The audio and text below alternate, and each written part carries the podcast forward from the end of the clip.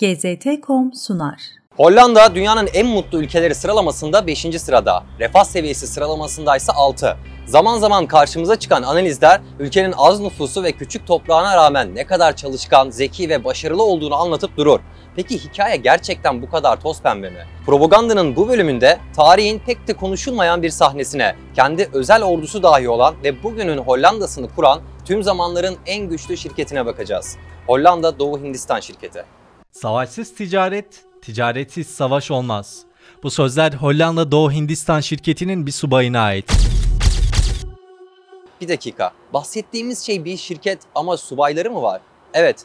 Bu şirketin sadece subayları yok. Orduları, kaleleri, limanları, hatta şehirleri ve kolonileri dahi var. Hikayeyi baştan anlatalım. Şu an size dünyanın en güçlü şirketini sorsam ne cevap verirdiniz? Amazon, Apple, Microsoft, Samsung, Bank of America, Facebook. Bundan 400 yıl önce var olan bir şirketin bugünün parasıyla 7.9 trilyon dolara denk düşen toplam varlığı bu saydığım şirketlerin hepsinin toplam varlığından daha fazlaydı. Hollanda Doğu Hindistan şirketi ya da resmi adıyla Birleşik Doğu Hindistan şirketi. Şirketin birleşik olarak anılması gerçekten de birleşik bir yapıya sahip olmasından geliyor. 1500'lü yıllar ticaretin deniz yollarıyla eş anıldığı yıllardı ve denizler üzerinde büyük bir hakimiyet savaşı vardı. Bu hakimiyet savaşında başı İngiltere ve İspanya çekiyordu ancak yarışta yer almaya çalışan genç bir devlet daha vardı, Hollanda. Pek çok yeni keşif ve ticaret şirketi kuruluyordu ancak hepsi aynı zorluklarla karşılaşıyordu. Zorlu deniz aşırı seyahatler. Bu zorluklar yüksek maliyetleri beraberinde getiriyordu. Hollandalı şirketler bu sorunu aşmak için bir çözüm yolu buldu. Birleşme. 1602 yılında normalde birbiriyle rakip halinde bulunan Hollandalı keşif ve ticaret şirketleri bir anlaşma yaparak tarihin ilk ve en büyük çok uluslu şirketini kurdular. İşte Birleşik Doğu Hindistan şirketi tarih sahnesine böyle çıktı. Ancak bir sorun vardı.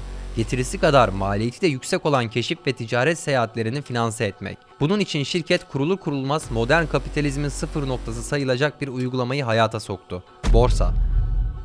Birleşik şirket bir bölümünü halka açtı ve hisselerinden satın alan Hollandalılara karlarından pay verme vaadinde bulundu. Bu adımla rekabet için büyük bir avantaj elde edildi ve şirket faaliyet için hazır hale geldi. Kurulumunun hemen ardından Hollanda bu dev ortaklığa Magellan Boğazı ile Ümitburnu arasındaki sularda ticaret yapma tekeline, bununla birlikte silahlı kuvvet bulundurma, kaleler inşa etme, mahkum tutma, hatta mahkum infaz etme ve Asya'daki ülkelerle antlaşma yapma gibi normalde devletlerin elinde bulunan imtiyazları verdi. Bu imtiyazlar şirketi dünya genelinde görülmemiş bir hızla büyütmeye başladı.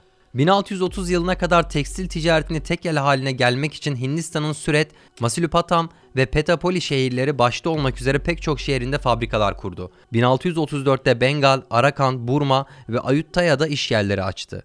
1641'de Malay Yarımadası'nda bulunan Malaka'yı Portekizlilerden aldı ve Malaka Boğazı'nın denetimini ele geçirdi. 1642'de şeker ticareti için merkezi bir önemi olan ve Tayvan'da bulunan Formosa adasını İspanyollardan aldı. 1652'ye geldiğinde ise artık şirket kurmakta kalmayıp koloniler kurmaya başladı. Güney Afrika'nın Kapstad şehrinde ilk yerleşim merkezlerini kurdu. 1656'da tarçın ticaretini ele geçirmek için Seylan adasındaki Kolomba'ya bir merkez kurdu. 1659 yılında ise bu kez karabiber ticaretini tek eline almak için Sumatra'nın güneyinde bulunan Palembang'ı işgal etti. 1663 yılında ise İspanyollarla savaşarak Maluku adalarının hakimiyetini aldı.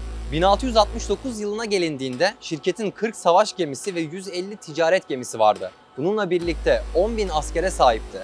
Aradan geçen yıllarda gücünü daha da arttırdı ve 1700'lü yıllara gelindiğinde kurumsal bir varlık olarak başlayan şirket kendi başına bir devlet hatta kıtalar arası bir imparatorluğa dönüştü. Meselenin kronolojisini bu şekilde anlattığımızda akıllara bunun bir ticari başarı olduğu gelmesin. Tüm bu ticari hamleler aslında bir sömürü ve köleleştirme savaşıydı. Şirket için Madagaskar, Endonezya, Hindistan ve Sri Lanka birer köle pazarından başka bir şey değildi.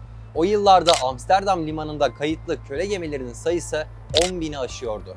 Bu durum 1700'lü yılların sonuna kadar sürdü. 1780'de çıkan ve 4 yıl süren İngiltere-Hollanda Savaşı'nın getirdiği mali daralma şirketin finansal yapısını etkiledi ve küçülmeye giden şirket Fransa'nın Hollanda'yı işgali ardından 1799 yılında feshedildi. Tüm varlıkları ise Hollanda devleti tarafından devralındı. Şirketin kolonileri ise Hollanda'nın kolonileri haline geldi. Bir zamanlar Amsterdam'ı kapitalizmin finans merkezi haline getiren şirket böylece en baştaki asıl sahibinin Hollanda devletinin eline geçti ve günümüzün modern Hollanda'sını kurdu. Klişe olduğu kadar gerçek de olan bir söz var. Tarihi kazananlar yazar. Ancak her algının bir de hakikati vardır. İşte tarihi, işgal, kölelik ve kanla dolu bu şirket de refah seviyesi tablolarında göremediğimiz Hollanda'nın hakikati. GZT.com sundu.